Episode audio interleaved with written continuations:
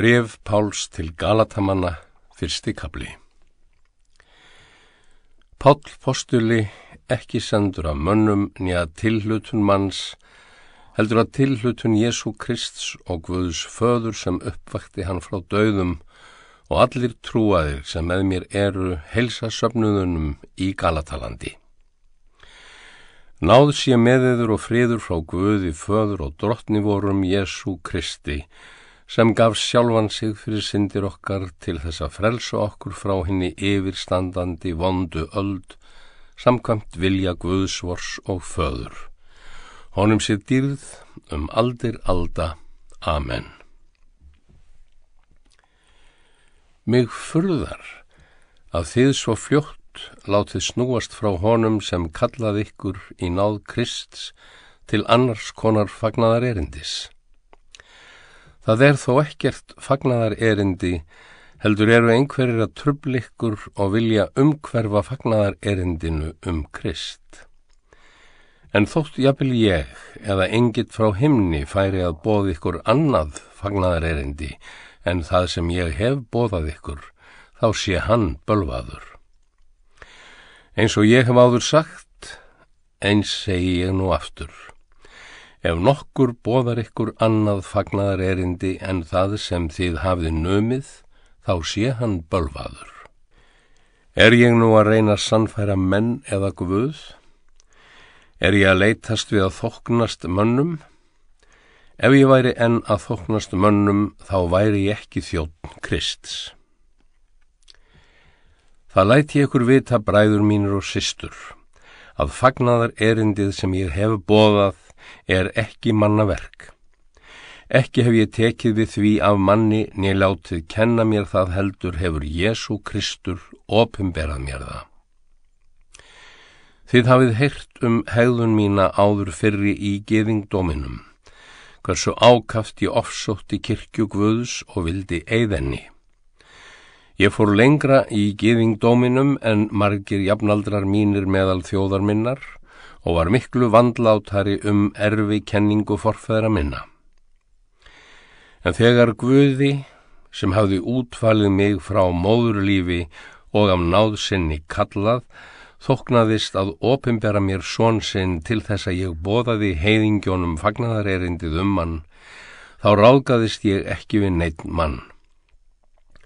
Ekki fór ég heldur upp til Jérúsalem til þeirra sem voru postular á undan mér, heldur fór ég jafn skjótt til Arabíu og snýri svo aftur til Damaskus.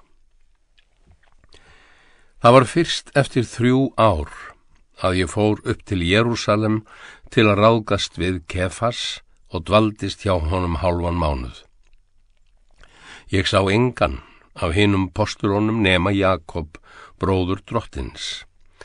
Guð veit að ég líði ekki sem ég skrif ykkur. Síðan kom ég í héröð Sýrlands og Kilikíu. Kristnu söpnuðnir í Júteu þekktu mig ekki í sjón. Þeir höfðu einungis heirt sagt.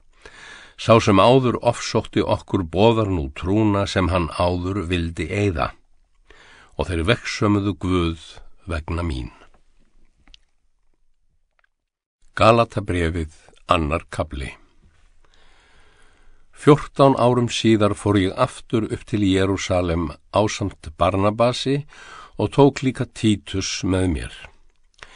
Ég fór þangað eftir opinberun og útskýði einslega fyrir þeim sem í áliti voru fagnaðar erindið sem ég bóða heiðingum. Það mátt ekki henda að starf mitt væri og hefði verið til einskis. Ekki einu sinni Títus sem með mér var og var grískur maður var neittur til að láta umskerast. Það vildu aðeins falsbræður er yllu helli, hafðu verið hleyft inn og laumast höfðu inn til að njósna um frelsi okkar sem við höfum í Kristi Jésu. Þeir vildu neppa okkur í þrældum. En undan þeim létum við ekki eitt andartak til þess að þið gætuð haft fagnaðar erindið óbrenglað og þeir sem í áliti voru lögðu ekkert frekara fyrir mig. Hvað þeir einu sinni voru skipti mig engu. Guð fer ekki í manngreinar álit. Þvert og móti sáu þeir að mér var trúað fyrir fagnaðar erindinu til óumskorina manna eins og Pétri til umskorina. Því að sá sem hefur eld Pétur til postuladóms meðal hinna umskornu hefur einni eld mig til postuladóms meðal hinna óumskornu. Og er Jakob, Kefas og Jóhannes sem álitnir voru máttarstolpadnir höfðu komist að raunum kvílik náð mér var að veitt þá réttu þeir mér og Barnabasi hönd sína til samkómulags. Við skildum fara til hinna óumskornu og þeir til hinna umskornu. Það eitt var til skilið að við skildum minnast hinna fátæku og einmitt þetta hef ég líka kappkostað að gera. En þegar Kefars kom til Antiokkíu, andmælti ég honum upp í opið geðið því að hann var sannur að sög. Áður en menn nokkrir komu frá Jakobi hafði hann setið að borði með heiðingum en er þeir komu dróan sig í hlje og tók sig út úr af ótta við þá sem heldu fram um skurninni.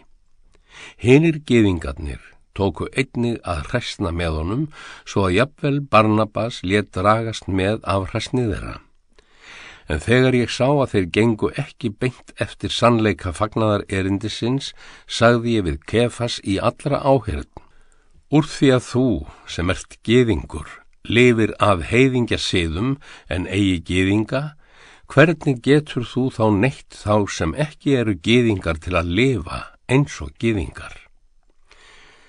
Við erum fættir geðingar, ekki heiðinir syndarar að uppruna en við vitum að maðurinn réttlætist ekki af lögmálsverkum heldur fyrir trú á Jésu Krist. Og við tókum trú á Krist Jésu til þess að við réttlættumst af trú á Krist en ekki af lögmálsverkum. En það réttlætist engin lifandi maður af lögmálsverkum. En ef við nú sjálfur reynumst syndarar, þegar við leitumst við að réttlætast í Kristi, er þá Kristur farin að þjóna syndinni? Fjarrri fer því. Fari ég að byggja upp aftur það sem ég braut niður, þá ger ég sjálfan mig beran af afbroti. Því að lögmálið leikti mig til dauða, svo að nú er ég ekki lengur undir valdiðess, heldur lifi Guði Ég er krossfestur með Kristi. Sjálfur lifi ég ekki framar, heldur lifir Kristur í mér. Lífinu sem ég lifi nú hér á jörð, lifi ég í trúni á Guðs són sem elskaði mig og lagði sjálfan sig í sölurnar fyrir mig. Ég ónýti ekki náð Guðs. Ef réttlæting fæst fyrir lögmál, þá hefur Kristur dáið til einskis. Galatabrefið þriði kapli Óskinsömu Galatar, hver hefur töfrað ykkur? Þið hafið þó fengið skýra mynd af Jésu Kristi á krossinu málaða fyrir augum ykkar. Um þetta eitt vil ég fræðast af ykkur. Öðluðust þið andan vegna lögmálsverka eða við að hlýða á fagnadar erindið og trúa? Eru þið svo óskinsamir? Að byrja í heilugum anda og ætla svo að fullna það í eigin mætti. Hafið þið til einskis reynt svo mikið? Ef það þá er til einskis, veitir Guð ykkur andan og lætur máttarverk gerast meðalikkar vegna þess að þið haldið lögmálið eða vegna þess að þið heyrið og trúið. Svo var og um Abraham, hann trúði Guði og það var honum til réttlætis reknað. Vitið því að sannir niðjar Abrahams eru þeir sem treysta Guði. Rittningin sá það fyrir að Guðmundi réttlæta heiðingjana fyrir trú. Því bóðaði hún Abraham fyrirfram þann fagnadar bóðskap. Af þér skulu allar þjóðir blessun hljóta. Þannig blessar Guð alla þá sem treystónum með hinnum trúaða Abraham. En bölfun kvílir yfir öllum þeim sem reyna að hlýða Guði með því að fara eftir lögmálinu, því að reytað er, Bölvaður er hver sá sem ekki virðir öll ákvæði þessara laga og breytir eftir þeim. En það er augljósta fyrir Guði réttlætist engin með lögmáli því að hinn réttláti mun lifa fyrir trú. En lögmálið spyr ekki um trú. Það segir, sá sem breytir eftir bóðum þess mun lifa þeirra vegna. Kristur keftu okkur undan bölfun lögmálsins með því að taka á sig bölfun þess fyrir okkur því að reytað er, bölvaður er hver sá sem á tríi hangir. Þannig varð Jésús Kristur til þess að allar þjóðir fengju blessunina sem Abraham var heitið og við öll sem trúum fengjum andan sem Guð gaf fyrir heitum. Bræður mínir og systur, Ég tek dæmi úr mannlegu lífi. Engin ónýtir eða eikur við staðfesta arleðslu skrá, enda þótt hún sé aðeins af manni gerð. Nú voru fyrirheitin gefin Abraham og niðja hans. Þar stendur ekki og niðjum eins og margir ættu í hlut, heldur og niðja þínum eins og þegar um einn er að ræða og það er Kristur. Með þessu vildi ég sagt hafa. Sáttmála sem Guð hafði áður staðfest getur lögmálið sem kom 430 árum síðar ekki ónýtt og felt fyrirheitið úr gildi. Ef við þurfum að hlýða lögmáli til þess að fá arfin, þá fæst hann ekki framar vegna fyrirheits en Guð síndi Abraham náð og emdi það sem hann gaf honum fyrirheit um. Hvað er þá lögmálið? Því var bætt við til þess að afbrotin kæmu í ljós. Það átt að gilda þar til niðjinn kæmi sem fyrirheitir hljóðaði um. Englar sáu um að semja það með liðsynni meðalgangara. En meðalgangara gerist ekki þörf þar sem einn á í hlut en Guð er einn. Er þá lögmálið gegn fyrirheitum Guðs? Fjarrri fyrir því. Ef við hefðum fengið lögmál sem veitt gæti líf, þá fengist réttlætið vissulega með lögmáli. En rittningin segir að allt sé nefnt undir vald syndarinnar til þess að trúðum veitist fyrirheitið með því að treysta því sem Guð let Jésu Krist gera. Áður en þessi leið var fær voru við innilokuð í gæslu lögmálsins, þánga til trúin sem í vændum var opinberaðist. Þannig hefur lögmálið orðið tiftari okkar þánga til Kristur kom til þess að við réttlættumst af trú. En nú, eftir að trúin er komin, erum við ekki lengur undir tiftara. Með því að trú á Krist Jésu eru þið öll Guðs börn Þið öll sem eruðu skýrð til samfélags við Krist hafið íklæðist Kristi. Hér er korki geðingur nýja annarar þjóðar maður, þræll nýja frjálsmaður, karl nýja kona. Þið eruð öll eitt í Kristi. Ef þið eruð í samfélagi við Krist, þá eruð þið niðjar Abrahams og erfið það sem honum var heitið. Galatabrefið fjórði kabli Með öðrum orðum Alla þá stund sem erfingin er ófullveðja er engin munur á honum og þræli, þóttan eigi allt. Hann er undir fjárhaldsmönnum og ráðsmönnum til þess tíma er fadurinn hefur ákveðið. Þannig vorum við einnig er við vorum ófullveðja í ánauð heimsvættana. En þegar fylling tímans kom, sendi Guð svonsinn, fættan af konu, fættan undir lógmáli, til þess að hann kifti lausa þá sem voru undir lógmáli og viðirðum börn Guðs. En þar er þið eruð börn, þá hefur Guð sendt andassonar sinns í hjörtu okkar sem hrópar, Abba, Fadir. Þú ert þá ekki framar þræll, heldur barn en ef þú ert barn, þá hefur Guð líka gert þig erfingja. Forðum, er þið þekktuð ekki Guð, voru þið þrælar Guða sem er ekki neynir Guðir. En nú eftir að þið þekkið Guð, eða réttar að sagt, eftir að Guð þekkir ykkur, hvernig getið þið snúið aftur til hérna veiku og fátæklegu vætta? Viljið þið þræla undir þeimað nýju? Þið haldið upp á ákveðna daga og mánuði, tíðir og ár. Ég er hættur um að ég kunni að hafa erfiðað hjá ykkur til ónýtis.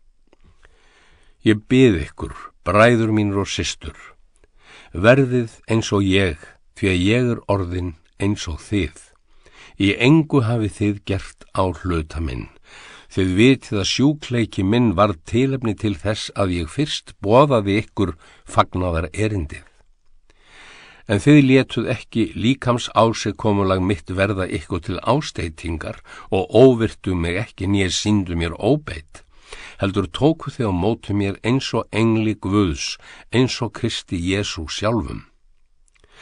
Hvað er nú orðið úr blessunar bænum ykkar? Það vittni ber ég ykkur að augun hefðu þið stungið úr ykkur og gefið mér ef auðið hefði verið. Er ég þá orðin óvinnur ykkar vegna þess að ég segi ykkur sannleikan? Þeir láta sér andum ykkur, en það er eigi af góðu heldur vilja þeir einangra ykkur til þess að þið látið ykkur and um þá.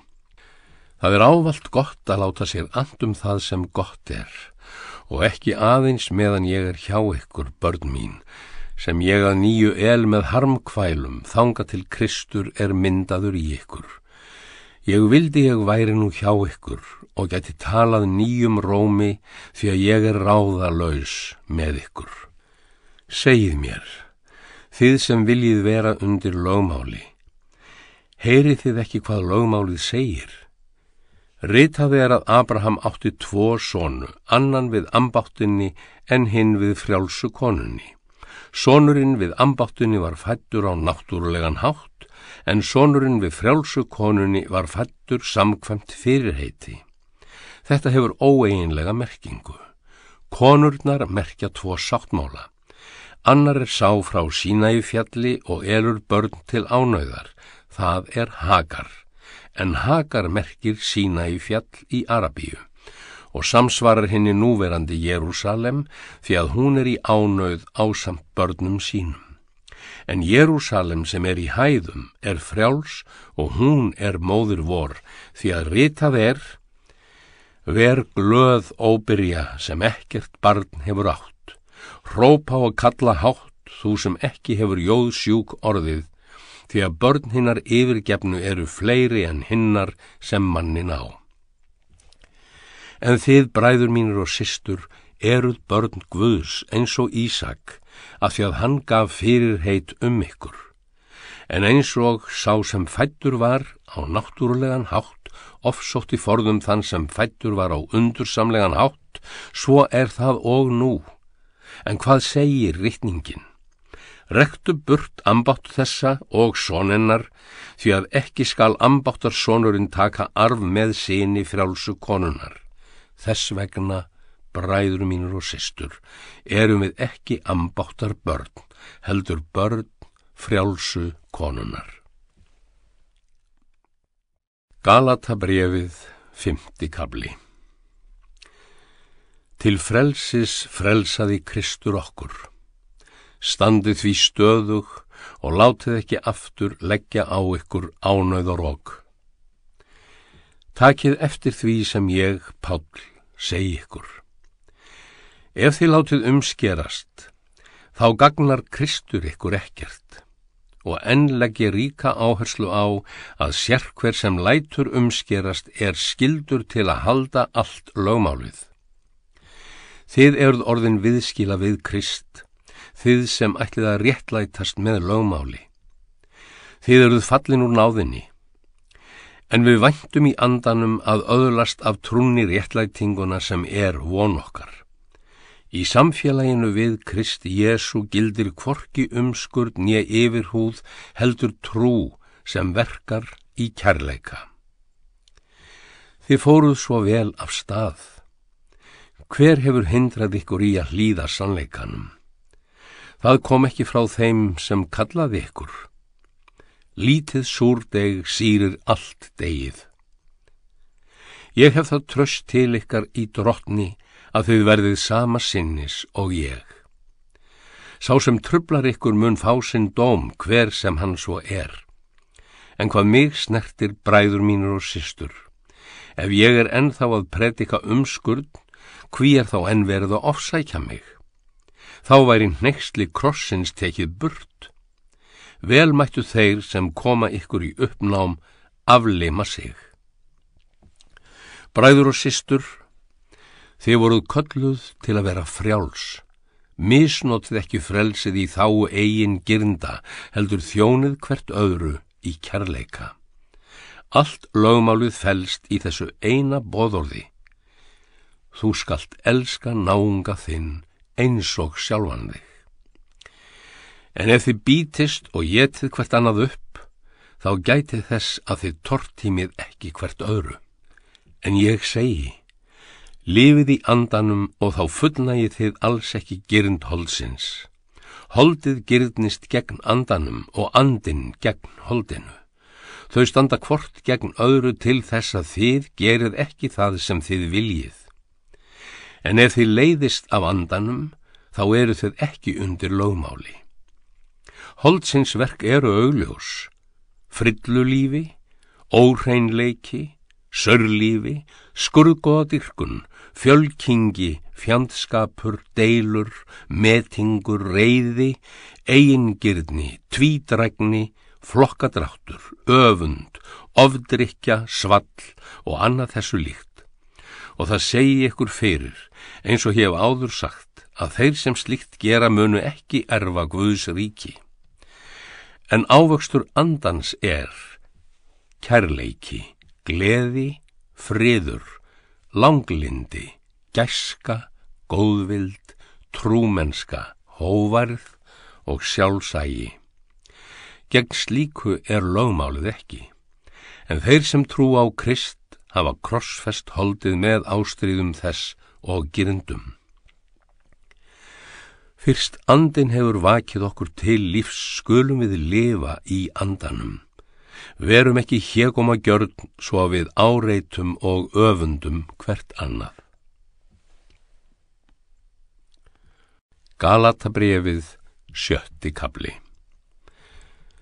Bræður mínir og systur, ef einhver er staðin að miskjörð þá leiðrétti þið sem andlega eruð þann mann með hóvarð og hafið gátt á sjálfum ykkur að þið frestist ekki líka berið hvert annar spyrðar og uppfyllir þannig lögmál Krists. Sá sem þykist vera nokkuð en er þó ekkert blekkir sjálfan sig. En sér hver rannsæki breytni sjálfsinn og þá mun hann hafa rósunar efni í samanburði við sjálfan sig en ekki í samanburði við aðra því að sér hver mun verða að bera sína byrði.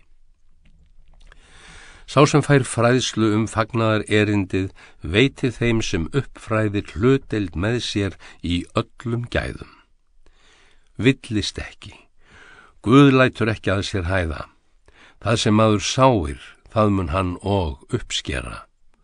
Sá sem sáir í hold sjálfsín mun af holdinu uppskera glötun, en sá sem sáir í andan mun af andanum uppskera eilíft líf.